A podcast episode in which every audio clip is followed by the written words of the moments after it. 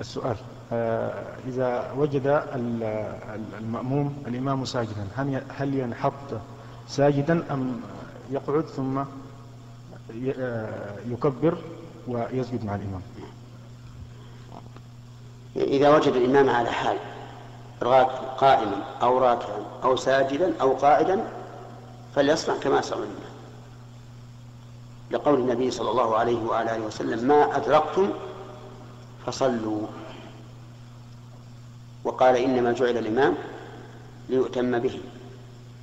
وروي عن ابن عمر عن عبد الله بن عمر رضي الله عنهما بسند فيه ضعف. إذا أتى أحدكم الصلاة والإمام على حال فليصنع كما يصنع الإمام. لكن السؤال يا شيخ هل يسجد بتكبيرة الإحرام أم يكبر إذا تكبيرة الإحرام يكبرها وهو قائم. ثم إذا سجد يسجد من تكبير.